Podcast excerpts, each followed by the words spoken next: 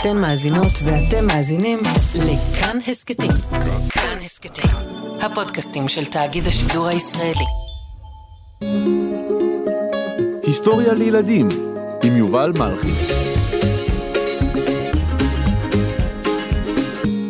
המלכה אליזבת השנייה.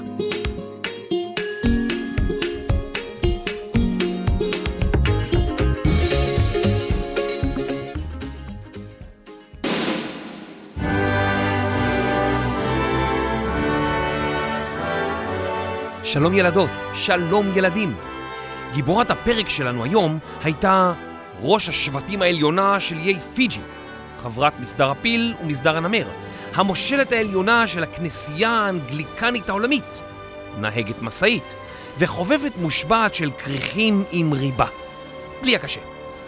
איך יכלה להיות כל הדברים האלה ביחד? זה כי הייתה מלכה. מלכת אנגליה.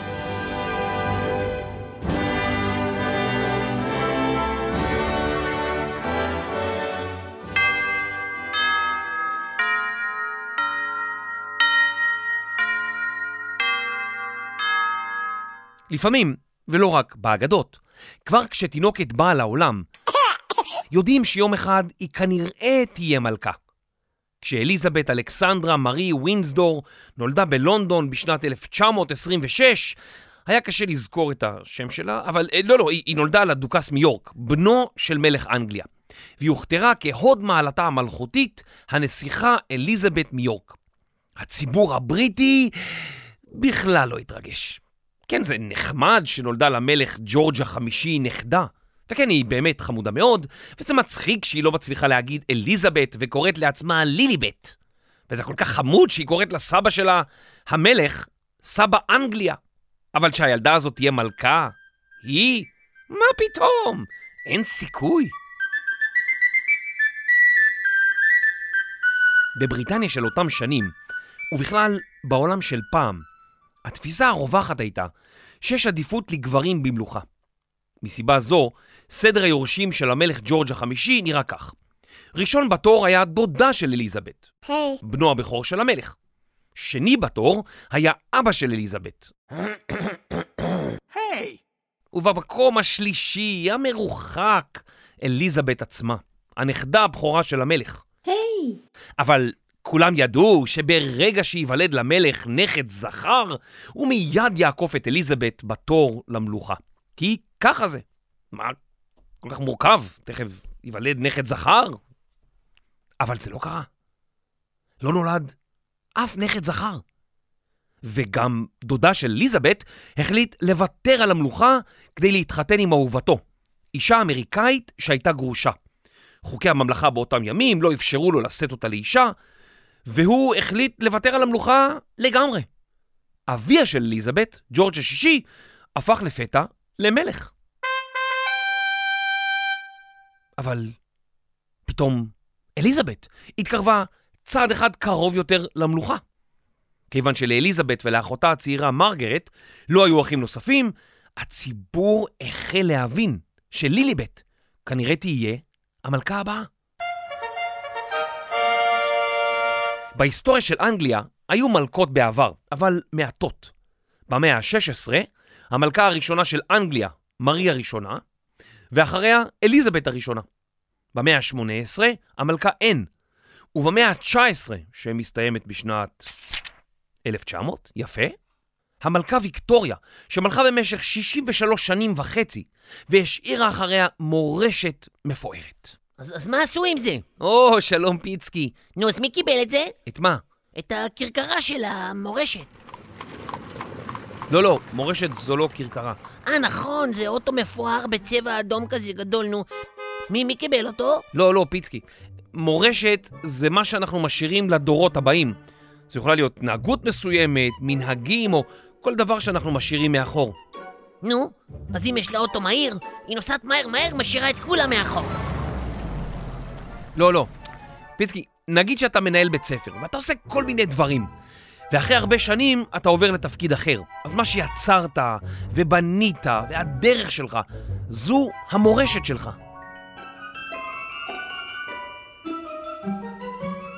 אה, כמו המורה שלי שאול. אה, באמת? מה הוא, מה הוא השאיר? הוא היה מורה לכדורשת. קראנו לו מורשת. נו, פיצקי, באמת. סתם, סתם, בצחוק. רגע, אז, אז היא נהייתה מלכה או לא? ת, לא, לא סיימת את הסיפור. אני, אני ממשיך, ממשיך.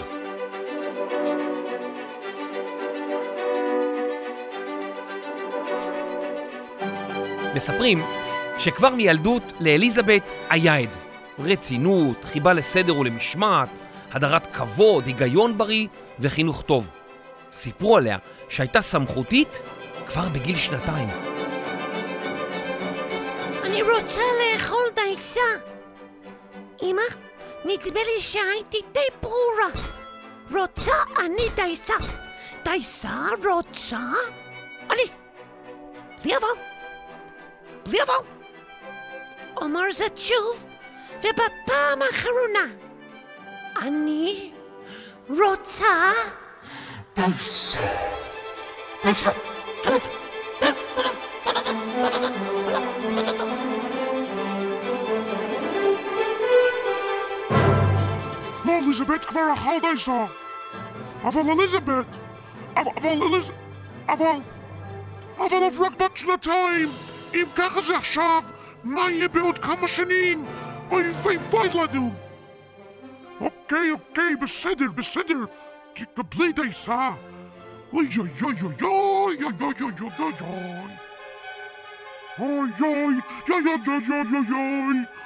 אז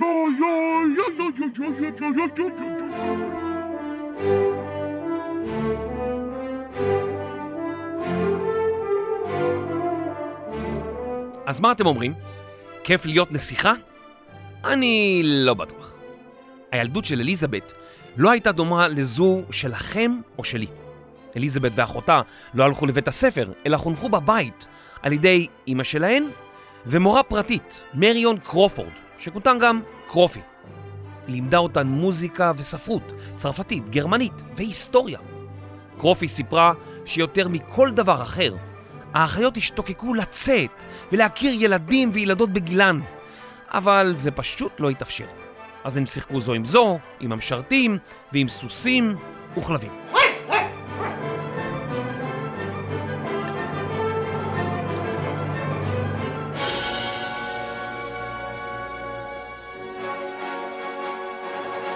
בשנת 1939 פרצה מלחמת העולם השנייה.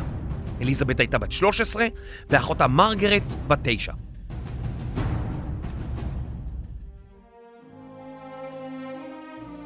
גרמניה הנאצית הפציצה את לונדון והוצע לשלוח את אליזבת ואחותה הרחק מקו האש עד לקנדה. אבל אימא שלהן הודיעה בנחרצות, הבנות לא יעזבו אם אני לא אעזוב. אני לא אעזוב אם בעלי המלך לא יעזוב. והמלך הוא לא יעזוב לעולם. בשנת 1940, כשהיא בת 14 בלבד, נאמה אליזבת לראשונה ברדיו ופנתה לכל הילדים בבריטניה שחיו בפחד תחת ההפצצות. אנחנו מנסים לעשות כל שביכולתנו כדי לעזור למלאכים, לחיילים שעל הקרקע ולאנשי חיל האוויר האמיצים שלנו. וגם אנחנו מנסים לשאת את חלקנו בסכנות המלחמה ובעצב שהיא מביאה עימה. אבל אנחנו יודעים, כל אחד מאיתנו, שבסופו של דבר הכל יהיה בסדר. איזה יופי.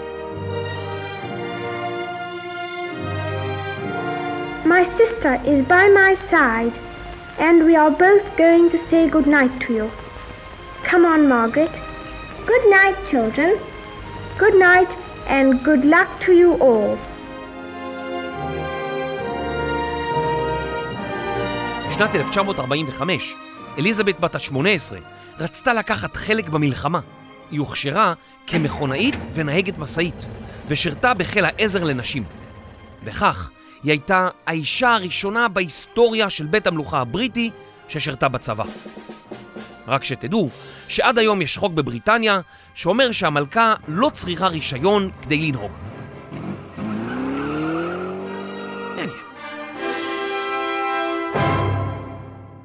כשהמלחמה הסתיימה, אליזבת ואחותה התחפשו ויצאו לחגוג ברחובות יחד עם כל האנשים. היא סיפרה כי הן נסחפו יחד עם כל האנשים בגל של אושר והקלה. והייתה גם אהבה.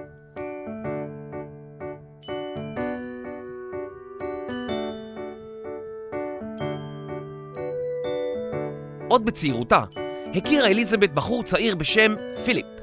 הוא היה בן למשפחת אצולה, גדל ביוון והיה קשור למשפחת המלוכה בדנמרק. הוא היה חייל, ימאי, והיא התאהבה בו. הם שמרו על קשר ושלחו זה לזו מכתבים בזמן שהוא שירת בצי המלכותי. כשאליזבת הייתה בת 21, הם התארסו בחשאי. אבל כמו באגדות, הוריה של הנסיכה חשבו שהוא לא ראוי לה. הם אמרו עליו שהוא זר מדי, שהוא עני מדי, שהוא נסיך בלי ארץ ובלי ממלכה. אבל אליזבת המאוהבת לא ויתרה, ומשפחתה השתכנעה. והיא ופיליפ התחתנו בשנת 1947.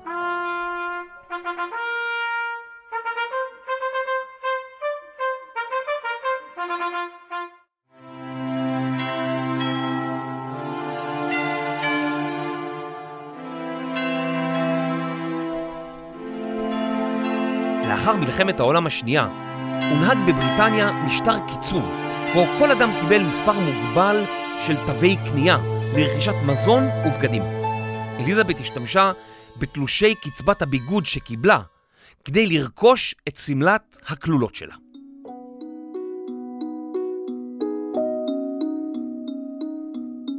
בשנת 1950 פרסמה המורה הפרטית של אליזבת ומרגרט ספר בשם הנסיכות הקטנות. היא גידלה אותן במשך 16 שנים ורצתה לספר על חוויותיה.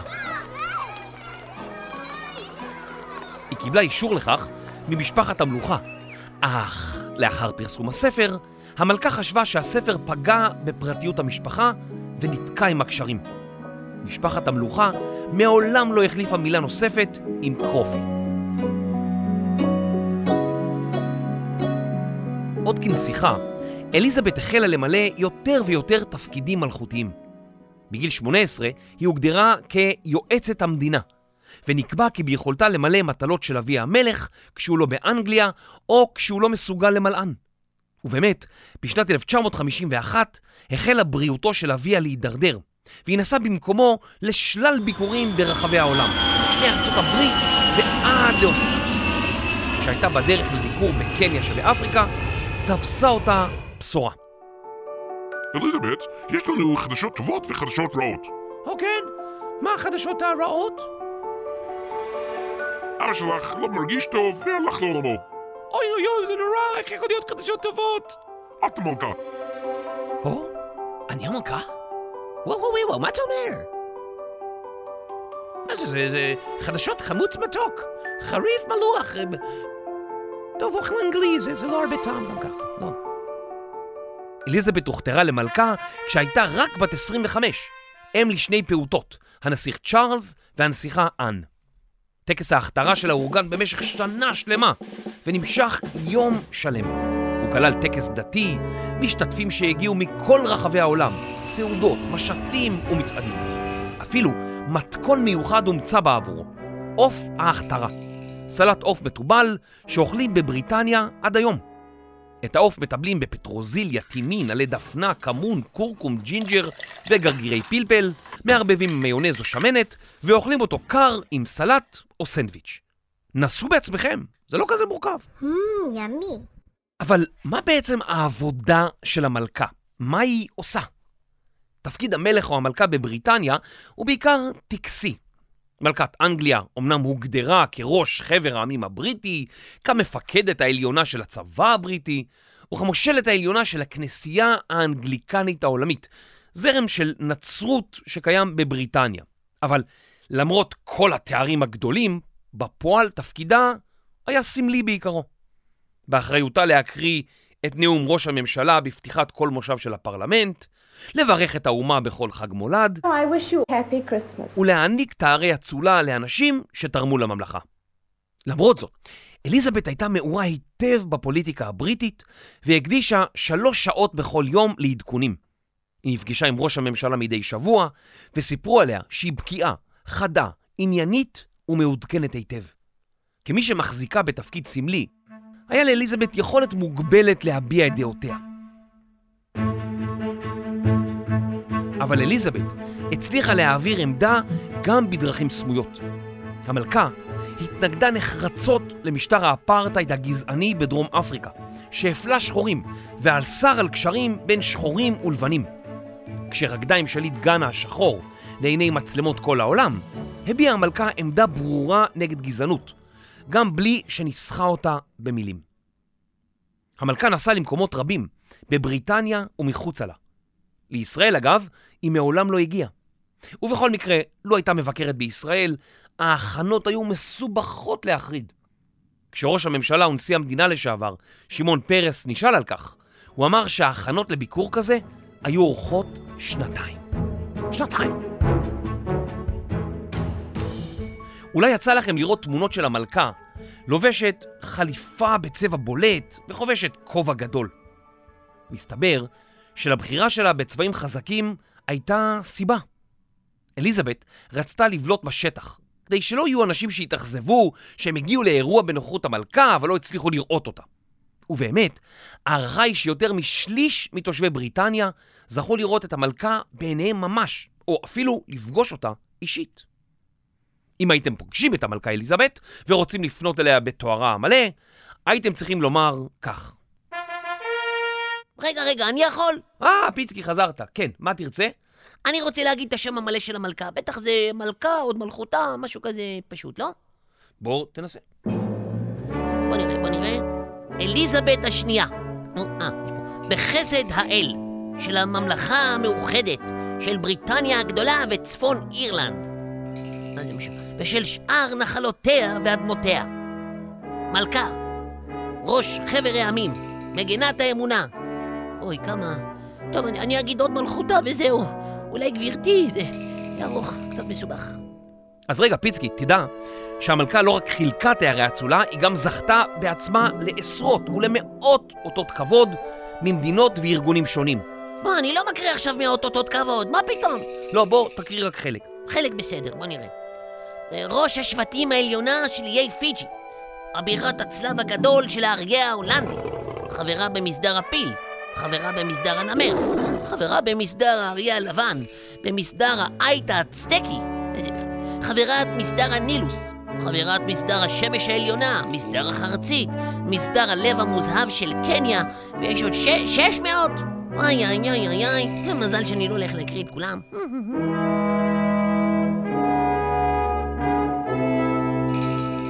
נישואיה של המלכה היו מאושרים. היא ופיליפ חיו ביחד יותר מ-70 שנה, עד לפטירתו בשנת 2021, בגיל 99. בגלל מגבלות מגפת הקורונה באותה התקופה, אליזבת ישבה לבדה בטקס ההלוויה שלו, תמונה שעוררה אהדה רבה בציבור. כשהספידה אותו, דיברה על הזיק השובב והסקרני שבעיניו, שנותר שם כל חייו, מהרגע שבו ראתה אותו לראשונה ועד ליום מותו. לבני הזוג המלכותי היו ארבעה ילדים, צ'ארלס, אן, אנדרו ואדוארד, וגם שמונה נכדים ושלושה עשר נינים. לאורך השנים, כמה מילדיה ומנכדיה של אליזבת היו מעורבים בשערוריות שונות ומשונות. וכיוון שעיתוני הרכילות הבריטים חשבו שכל דבר שבני משפחת המלוכה מעורבים בו הוא סיפור מרתק, שמוכר הרבה עיתונים, הם פרסמו כל פרט שיכלו על חייהם של בני משפחת המלוכה. אז מה אתם אומרים? הייתם רוצים להיות בני מלוכה? אליזבת אהבה כלבים וסוסים מילדותה, והמשיכה לאהוב אותם גם כמבוגרת. הכלב האהוב עליה היה מזן קורגי, ולאורך חייה גידלה יותר מ-30 כלבים כאלה. אני ממליץ לכם לחפש בגוגל מלכת אנגליה וקורגי. מצפות לכם כמה תמונות חמודות במיוחד.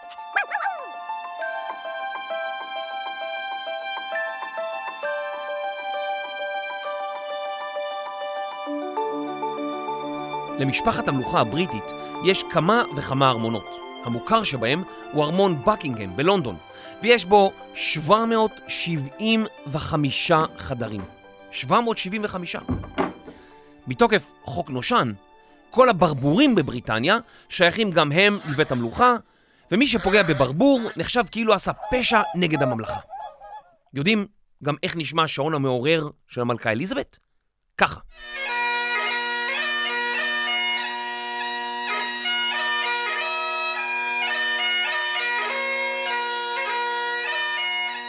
נגן חמד חלילי משלה שניגן לה נעימות בכל בוקר. ולא תאמינו, המלכה חגגה יום הולדת פעמיים בשנה. פעם בתאריך האמיתי שלה, בחודש אפריל, ופעם בתאריך רשמי, שנקבע לפני מאות שנים, בראשית חודש יוני. במסגרת התאריך הרשמי הזה התקיים מצעד של אלפי חיילים, פרשים על סוסים ותזמורות.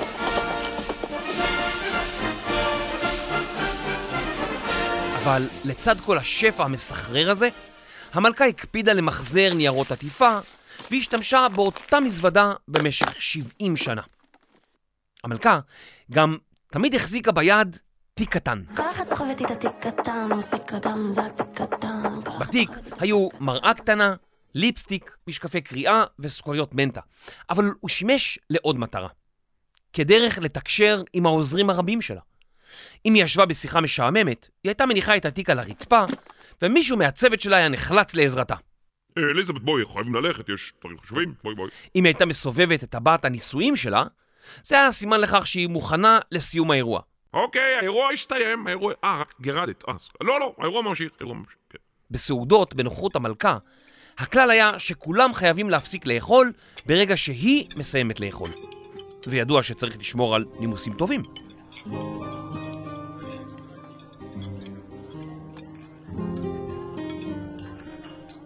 אחד האיומים שכל הילדים הבריטים מכירים הוא, תאכל יפה, אחרת איך ניקח אותך לסעודה אצל המלכה? ויש עוד כללים. ידעתם למשל שלפי כללי הפרוטוקול אסור לאיש לגעת במלכה? כשראש ממשלת אוסטרליה הניח פעם את ידו על כתפה, נוצרה שערורייה של ממש. Oh no! אליזבת שימשה כמלכה במשך 70 שנה, תקופת הכהונה הארוכה ביותר בהיסטוריה של בריטניה. למעשה, תקופת הכהונה של אליזבת ארוכה יותר משל כל ארבעת המלכים שקדמו לה יחד. בכל ההיסטוריה, רק המלך הצרפתי לואי ה-14 שלט יותר זמן ממנה. אליזבת היא גם ראש המדינה שקיים את מספר הנסיעות הממלכתיות הגבוה בהיסטוריה. 150 ביקורים שונים, שלארגן כל אחד מהם היה מסובך מאוד. שיא נוסף, המנהיגה שפניה הופיעו על הכי הרבה שטרות כסף, ב-35 מדינות שונות. כל כך הרבה קרה בשנות כהונתה. מעמדה של בריטניה בעולם השתנה. אם בתחילה היא שלטה על 32 מדינות שונות בכל יבשות כדור הארץ, הרי שעם התפרקות האימפריה הבריטית ומתן עצמאות למדינות רבות שהיו חלק ממנה, הממלכה הצטמצמה. ובסוף כהונתה, רק 14 מדינות עדיין היו חלק מבריטניה, חלקן הגדול איים מרוחקים. בזמן שהיא כיהנה בתפקיד, התחלפו בבריטניה 15 ראשי ממשלה. המלכה זכתה להיפגש עם חמישה אפיפיורים שונים ו-14 נשיאי ארצות הברית. העולם השתנה סביבה, שינה את פניו, והיא נשארה אי של יציבות. משפחות המלוכה נוהגות להזמין ציירים לצייר אותם, ואליזבת צוירה בידי אומנים שונים כבר מגיל צעיר. במהלך חייה היא ישבה ל-200 דיוקנאות שונים.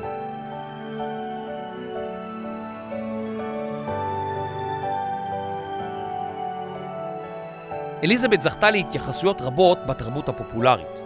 הביטלס התייחסו אליה באחד מתקליטם, ולהקות אחרות גם להם היה מה להגיד על המלכה, אך הם בעיקר התייחסו למוסד המלוכה, שחשבו שאין בו צורך.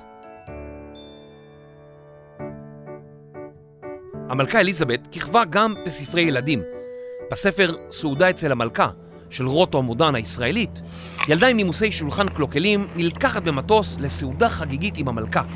אבל במקום ללמוד נימוסים, היא מלמדת את המלכה כמה כיף לאכול עם הידיים. בשנת 2012 התקיימו בלונדון המשחקים האולימפיים. הבריטים התרגשו מאוד, ובטקס הפתיחה החגיגי הייתה גם משתתפת מיוחדת, המלכה. היא הצטלמה לסרטון יחד עם שחקן ששיחק את דמות המרגל, ג'יימס בונד, וכפיל שלה צנח ממטוס מחופש למלכה. בהתחלה, אנשים היו בטוחים שזו באמת היא. סרטון מפורסם אחר בכיכובה צולם לפני כשנתיים, בחגיגות ה-70 להכתרתה. המלכה ישבה לשתות תה עם לא אחר מהדוב פדינגטון, גיבור ספרי הילדים והסרטים הבריטי האהוב. הסתבר שפדינגטון והמלכה חולקים חיבה מיוחדת לאותו מאכל, כריכים עם ריבה. אנשי צוותה של המלכה סיפרו שאחד המאכלים האהובים עליה הוא כריך מלחם שחתכו לו את הקשה, מרוח בשכבה של ריבת תות. עוד מאכל אהוב עליה במיוחד הוא שוקולד מריר. בננות היא אוכלת אך ורק בסכין ובמזלג, לשם הנימוס, ושלא תעזו להגיש לה שום ובצל. בספטמבר 2022, כשהיא בת 96, הלכה המלכה אליזבת השנייה לעולמה. בנה הבכור, צ'ארלס, הפך סוף סוף למלך. יותר מרבע מיליון בריטים עמדו בתור יותר מיממה כדי לחלוף על ארון הקבורה שלה ולהביע כבוד אחרון. בשיאו, התור הגיע לאורך 16 קילומטרים, כמו המרחק מתל אביב לראשון לציון. לכל אורך חייה הייתה אליזבת פופולרית מאוד, והבריטים אהבו אותה. כיום, אנשים רבים שואלים האם באמת בית המלוכה הוא דבר נחוץ. הוא סמלי, ויכול להיות מקור לחיזוק בזמנים קשים, אך הוא גם עולה הרבה מאוד כסף. אנשים רבים סבורים שמוסד המלוכה באנגליה מיותר, ושיש לפרקו. אחרים מאמינים שמוסד המלוכה חשוב, והרבה אחרים חושבים שהאמת היא אי שם באמצע. גם אם בית המלוכה לא כזה חשוב, הרי שמדובר באטרקציה תיירותית אדירה, שמושכת מיליוני תיירים ללונדון, ובמשפחה שכיף לעקוב אחר עלילותיה. ובאמת, משהו במשפחת המלוכה מרתק אנשים, ולא רק בבריטניה. אולי זה כי אנחנו אוהבים רכילות, אולי זה כי אנחנו אוהבים אגדות. איפה עוד אפשר לפגוש מלך ומלכה ובית מלוכה עם סיפורים רבים כל כך? ואולי זה בכלל משהו אחר. אז אחרי ששמעתם את הפרק, מה אתם אומרים? הייתם רוצים להיות נסיך ונסיכה? או שעדיף להיות ילדים רגילים, לאכול בננה ביד, שום, בצל, ושאנשים ישימו לך יד על הכתף מדי פעם. נראה לי שבסופו של דבר, הרבה יותר כיף להיות ילדים וילדות רגילים. מעניין.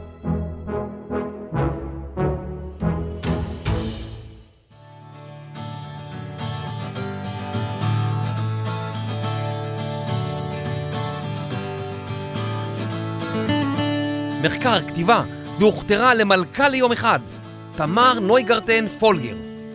עריכה, קריינות, והכי אוהב להגיד פיליפ, פיליפ, פיליפ, יובל מלכי. עריכת תוכן ולשון, ואוהבת ברבורים מלכותיים, דינה בר מנחם.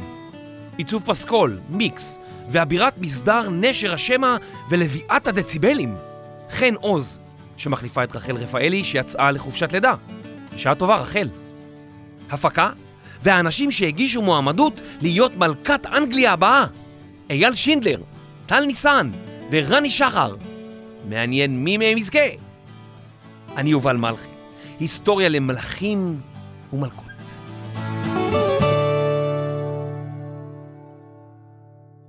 רגע לפני שאתם הולכים, אני מקווה שנהניתם מהפרק. וואו, כבר עונה עשירית. נשמח מאוד אם תדרגו אותנו באפל ובספוטיפיי, ואפילו כתבו משהו קצר על הפודקאסט. זה עוזר לנו מאוד.